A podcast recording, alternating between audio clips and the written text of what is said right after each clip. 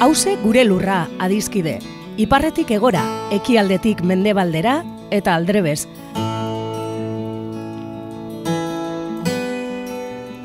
Lurra bakarra dugu edo gaituen lur bakarra da hause.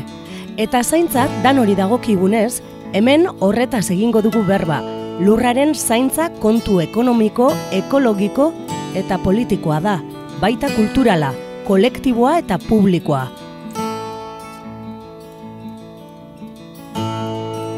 Ekopol taldeko Iñaki Bartenak eta Josu Larrinagak hause gure lurraren zaintzak dituen ataka eta kontu importantei buruz hitz egingo digute.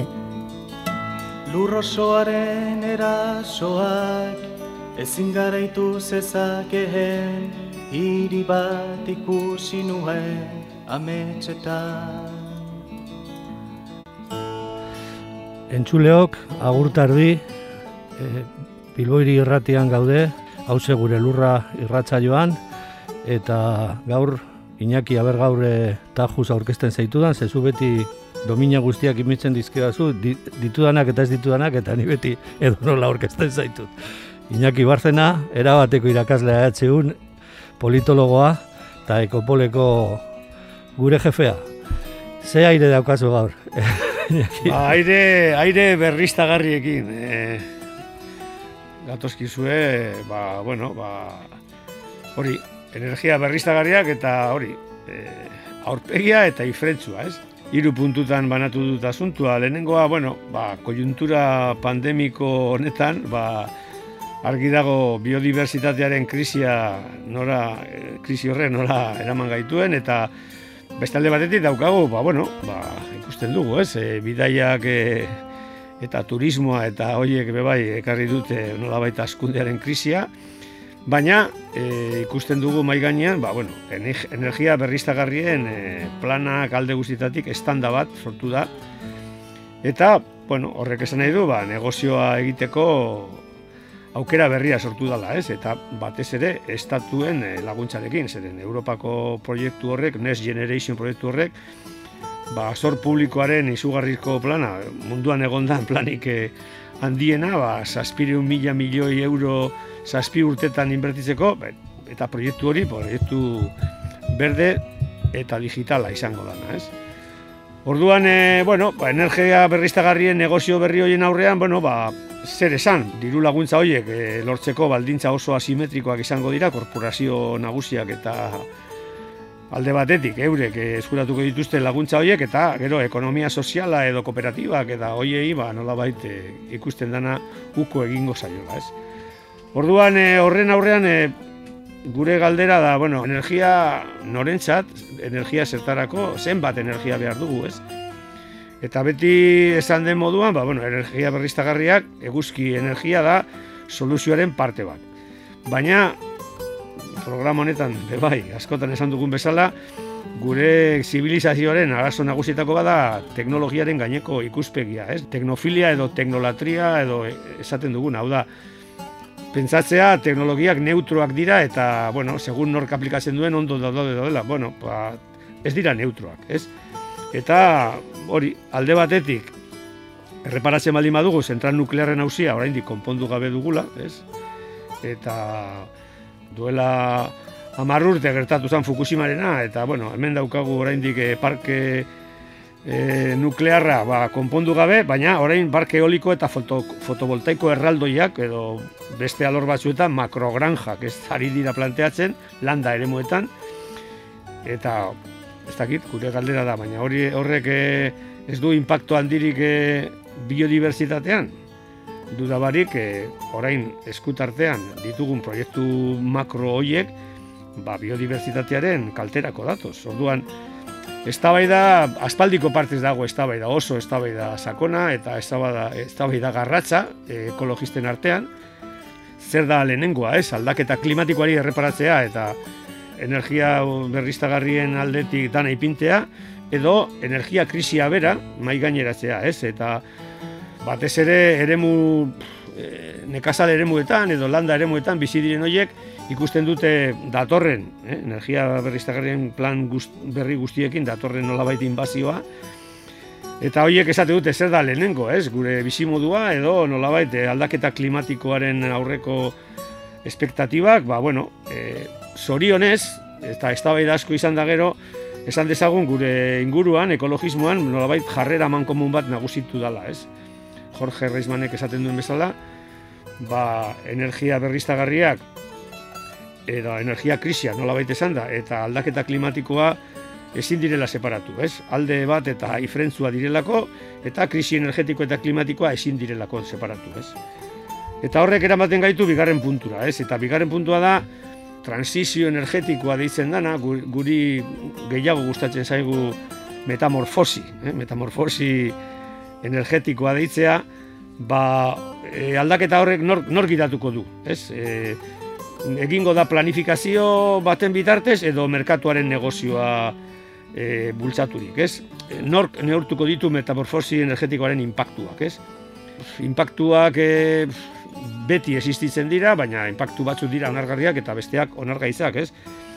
Orain arte bezala proiektuen enpresa bultzatzaileek neurtuko dituzte impactuak, beste modu baten, nola, nola planifikatu behar da aldaketa edo transizio edo metamorfosi hori? Kompetitibitatearen parametroetan edo eskariaren kudeaketan edo desaskunde energetikoan. Bueno, hor, hor, eh, hor gaude, eta horren aurrean, ekologismo soziala planteatzen duena da energia guztion behar izan dela, hau da, bizializatako ezinbestekoa dugu energia, baina, bueno, batzuentzat hori ez da horrela, ez, eta gehiago ikusten dute diru, diru trukerako merkantzia komertzial bat, ez? Orduan, hor daukagu, dema hori, eh? nolabait, eh, instituzio politikoek eta korporazio multinazionalek Eh, erantzun behar dituzte galdera hauek eta planteatzeko, bueno, e, nondik goazen eta eta zertara goazen bide horretatik, ez? Eta horrek eramaten gaitu, ba, irugarren puntura. Eta irugarren puntua da, gaur egun, eh, egun hauetan, aste hauetan, e, bueno, araban gertatu den adibidea. Araban esaten dut, baina Nafarroan ez da oso diferentea, eta Kaceres edo Teruelen ere ez. Hau da, estadu osoan, eta nik esango nuke mundu osoan, planteatzen ari diren eh, plan energetiko berriak, eh, plan eoliko edo fotovoltaiko berriak edo makrogranjak dira beti eh, planteamendu berdinarekin, ez? Erabali dezagun landa eremuak nolabait energia berriztagarriak edo negozio berriak egiteko, ez? Eta karo, duela gutxi, ba hori, aixe indar proiektua agertu da, Iberdrolak deko euneko iruro eta, eta e, Euskal Estadutxua, da, Euskal e, Erkidego Autonomoak, ebek, energiaren e, Euskal enteak daukan e, bueno, euneko berrogeia, orduan, horiek e, planteatzen dituzte gaur egun e, araban, araban bertan, e, herrialde horretan, lau e, parke eoliko handiak egiteko, ez? Bata azazetan, beste bat iturrietan, beste bat arkamon eta beste bat labrasan, oion eta, bueno, eta nafarroa bitartean, ez? Gainera ikusten dugu, bueno, ba, adibidez, azazeta eta iturrieta iaia jarraian daudela, ez? Eta, kero, labrasa hoz, ez oso.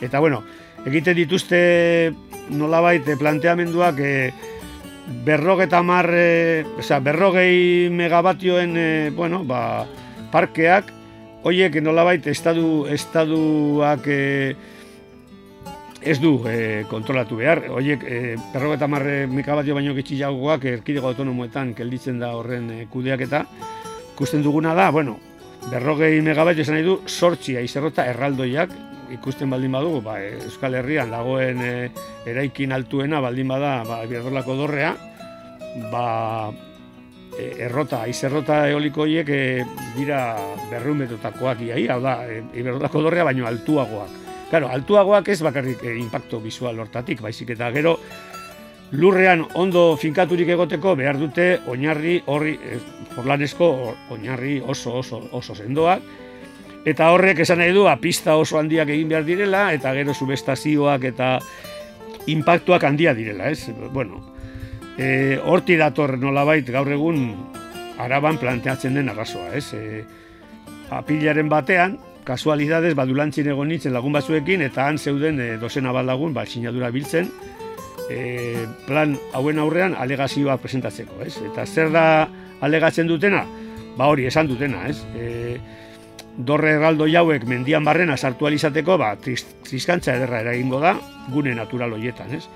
Eta, bueno, hori, aizerroten e, porlanesko oinarriak, e, pistak, subestazioak, horregatik, ba, ekartzen dut gogora, duela gutxi bebai, e, estadu mailan antolatu dan, ba, aliantza berri bat, eizen dela Aliantza Energia Territorio, horiek esate dute, e, olako paraje naturaletan, bos megabatio baino gehiagoko instalakuntzak ezin direla jarri, ez? E, horiek e, esklusioko gune naturalak izan behar direla, eta bakarrik e, aprobetsamendu energetiko txikiak e, e, aldirela, aldirela jarri, ez? Eta bueno, nigo gora zenaz, ez? Duela, pff, duela ja hogei urte izango dira edo gehi hau, ba, arkamo azpian, bebai hor e, ainanan, gatzagan, ba, planteatu zen e, proiektu bat, eguzkilore proiektu bat, e, e, errota, aiz errota txikiekin, ba, saspi megabatioko proiektu bat, eta ebek eta iberdolak zuten hori esala interesgarria. Ez? Orduan hor ikusten dugu kontraesana e, tamainan edo nolabait teknologiaren erabileran. Ez?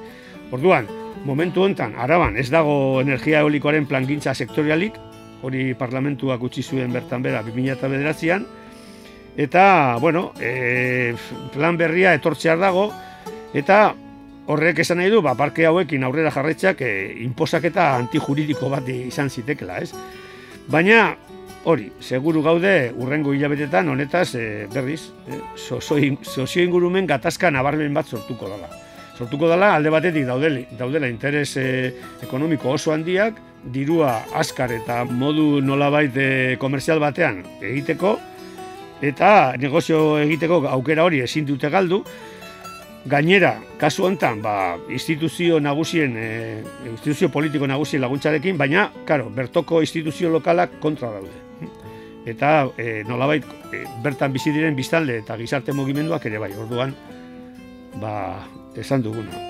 E, alde bat eta ifrentzua, alea jarta ez. Eurrengo urteetan ikusiko dugu, ba, honen gainean, energia berriztagarrien gainean, ba, seguro pultsu handi bat izango dela, eta Euskal Herrian ikusiko dugu, eta beste lekuetan bezala, ba, gatazka sozioekologiko handi bat.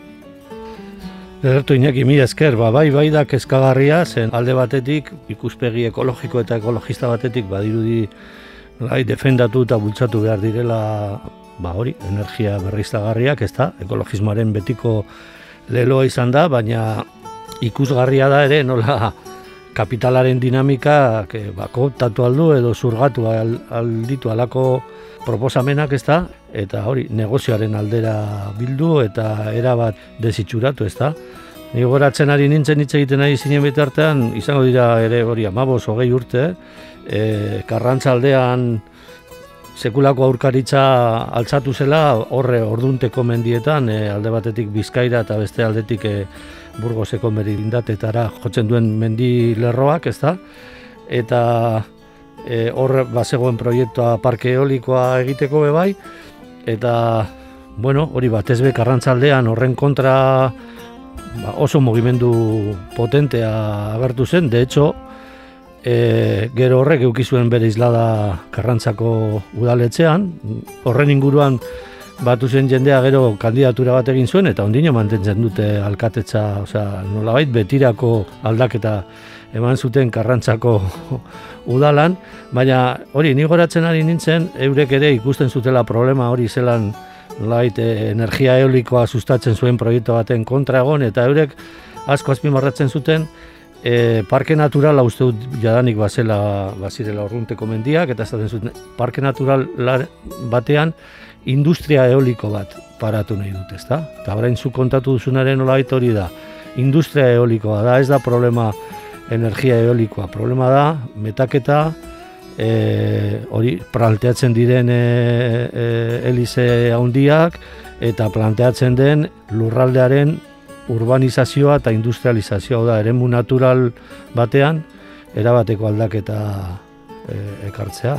Bai, bai, ez dugu ikasten, ez dugu ikasten, Osa, ikusi dugu, ba, nolabait, biodibertsitatearen galerak ze problema sortzen dituen gure, gure zibilizazioan, ari gara duela e, urte beta piku, e, kristoresko pandemia, ba, nolabait, biodibertsitatearen galera gaitik, eta e, berriz, Osea, iturrietako parke hori azera botazan 2000 eta bedatzean.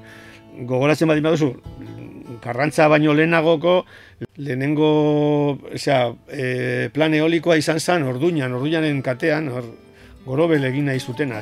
Pues, Ez dugu ikasten, e, alde batetik, ba, bai, ba, ezinbestean, e, bueno, ekologismoaren simbolo nagusia beti izan da eguzkia, eta eguzki energia beti defenditu dira. Ba, karo, e, nola egiten da aldaketa hori, ez? Alde batetik esaten, esaten duguna da, bueno, lehenengo eta ben, jadanik industrializatuta dauden edo humanizatuta dauden espazioetan sartu behar dira energia berriztagarriak. Bai, bai parke olikoak, bai parke fotovoltaikoak. Eta ez zonalde naturaletan. Hau da, ezin diogu e, naturaren kontrako eraso gehiago, gehiago egin biodiversitatean. Hori, eta, bueno, kasu, ba, baldin ba dugu e, asmoak zonalde batzuetan, olako leku naturaletan jartzeko, e, bueno, energia berriztagarriak izan behar dira tamaina, tamaina txikikoak, izan behar dira tamaina neurtu batekoak, ez?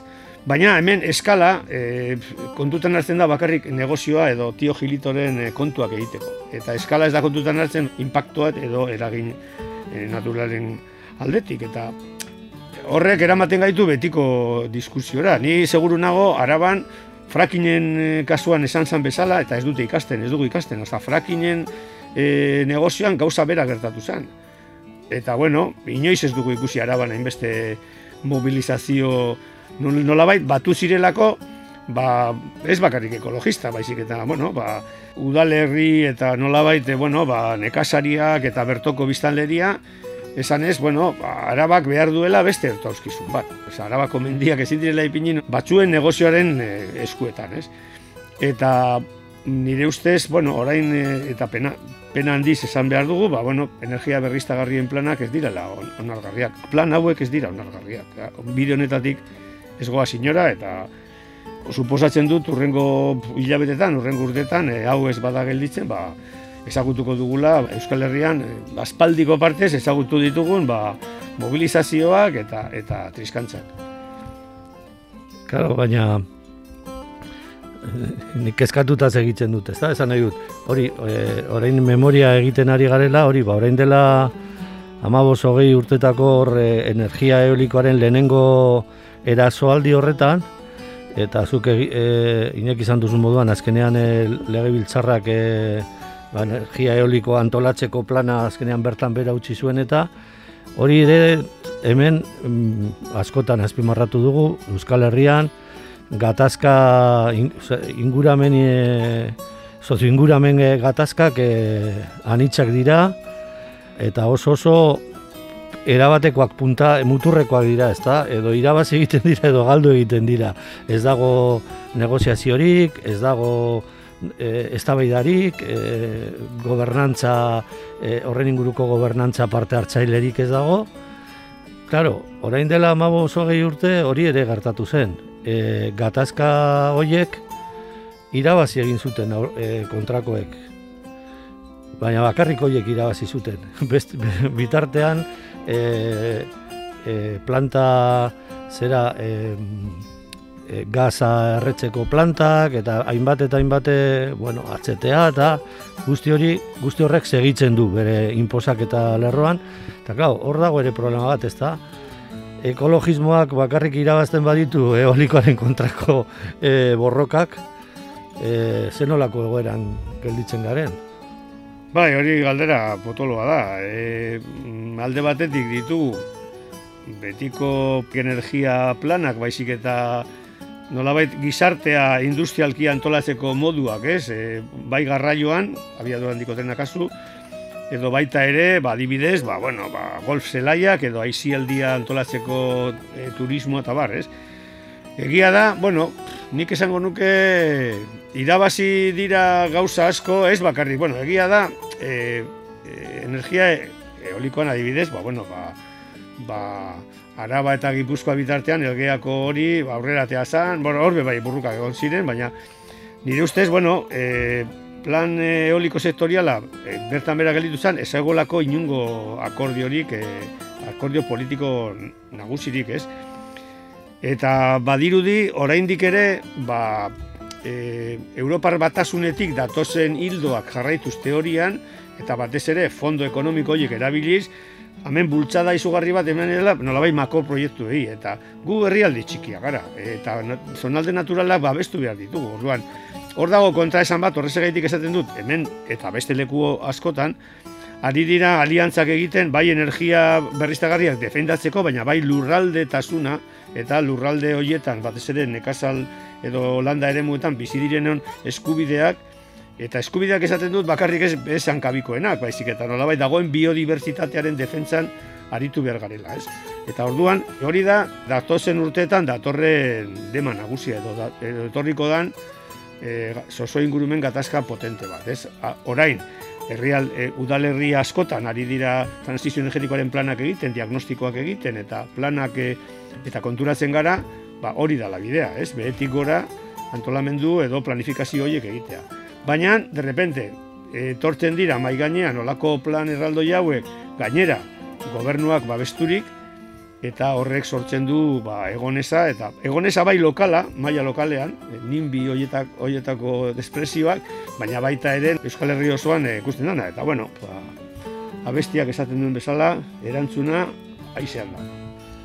Bueno, egia esan inaki nabardura batzuk Osea, nik esan dakoari, esan behar, egin beharko nizkiok esan egun eh, askotan esan dut irabazi eta galdu hitzak eh, kasu hauetan erabiltzea esai asko gustatzen, eta bueno, hor daukagu ere, frakinen kontrako borroka irabazi da, berri irabazitza erabiltzen, esan nahi dut, garria da, orai, hau grabatzen ari garenean, orain dela gutxi gertatu da, Espainiako aldaketa klimatikako legeak jadanik era bat itxi duenean posibilidadea e, gaz e, esplotakuntza horiek e, egiteko, ondino lehenengo momentuan jaurlaritzak esan zuen, baina guk ez dugu ondino, ez dugu musin egiten eta segituko gara zaiatzen e, zailburuako gazteiz ondoko gaz, e, gaza esplotatzea posiblote den, urrengo egunean azkenean ja nola baita etxi egin behar zioten, esan bale, bale, ja ez, Baina, kurioso da, lehenengo momentuan ondino, ba, alako mamu industrial hoiei nola ere men egiteko, edo ez dakit nik zergatik, baina ondino segitu zuten e, zera, guk segitu nahi dugu. Deigarria da, esan nahi dut, alde horretatik behintzat, planteatzen direla oraindik e, kasu hauek e, bai edo ez moduan ez bai, dago tarterik. Bai, ez dago, bai, hor, dago alde batetik, aliantza potente bat goitik, enpresa, korporazio multinazionalek eta eta goiti datozen diru laguntzak eta instituzio politikoen partido nagusien batuk eta bat esan ez, bueno, hau da etorkizuneko bidea, eta gero deskontento guztia plazaratzen da, ba, bai, leku hoietan, plan hoiek e, planteatu, ba, ez dakit, ari gara plan eolikoaz, baina orain Nafarroan planteatzen diren makrogranja hoiek gauza bera dira, hau da, Eredua zein da, ba, bueno, ba, eroskik eta bere lagunek nahi dute egin olako negozio bat esne saltokiet, baina horrek eramaten du nolabait, bali, konzentrazio ekonomiko eta negozio bat egitea bo, sei, urte aldera eta gero zer. Eta gero zer, zer, zer egingo duzu galdutako biodiversitatearekin. Ez ez dugu ikasten historiatik. E, orduan, bai, zuk esaten duzuna, hau ezin da planteatu irabazia galdu, zeren edo denak irabazten dugu, edo denak galtzen dugu. E, asuntua da, txip, txip kultural hori ez dela llegatu e, e, BS, gure instituziotara, are gutxiago, ba, gure Osea, inguruan ikusten ditugun e, korporazio multinazionalek e, berdez jantzita daude eta greenwashing hori erabiltzen dute egunero sustengarritasuna, energia berriztagarriak ez dakizen, baina azkenean e, logika bat eta bakarra dago eta da e, dirua alik eta askarren pilatzea, ez? Bi logika horiek tuputze egiten dute hemen Euskal Herrian, gero eta gehiago ikusten dugu, ba, bueno, ez dagola zuk esan duzuna, gobernantza berria edo transizio energetikoa egiteko nolabait parametro desberdin batzuk ez dira, plan, ez dira mai gainenatzen. Eta, ba, pen handiz esan behar dugu, ba, bueno, datorrena epe, epe laburrean datorrena da gatazka.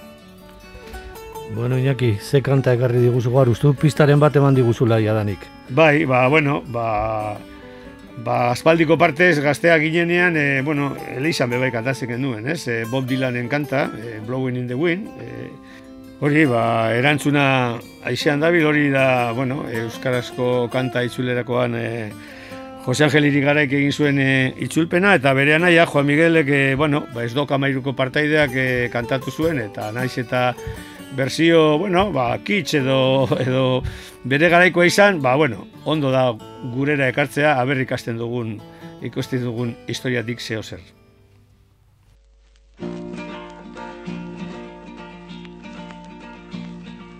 Zenbat ide ibili behar ditu, bate konturatzeko, zenbat itxaso egan du busuak Ondartzan lokartzeko. Zenbat gerla behar dira izan Betirako bukatzeko. Erantzuna maite, aizean da bila Erantzuna aizean da bila Zenbat iraun behar du mendiak Itxas bilakatzeko. Zenbat mende iragan behar dira Gizona libratzeko. Zenbat bider ikusi gauzak Ongi konturatzeko. Erantzuna maite Aizean da bila Erantzuna aizean da bila Zenbat bider goitira behatu Zeruan abaitzeko. Zenbat egi izan behar dira Igarra dela ikusteko.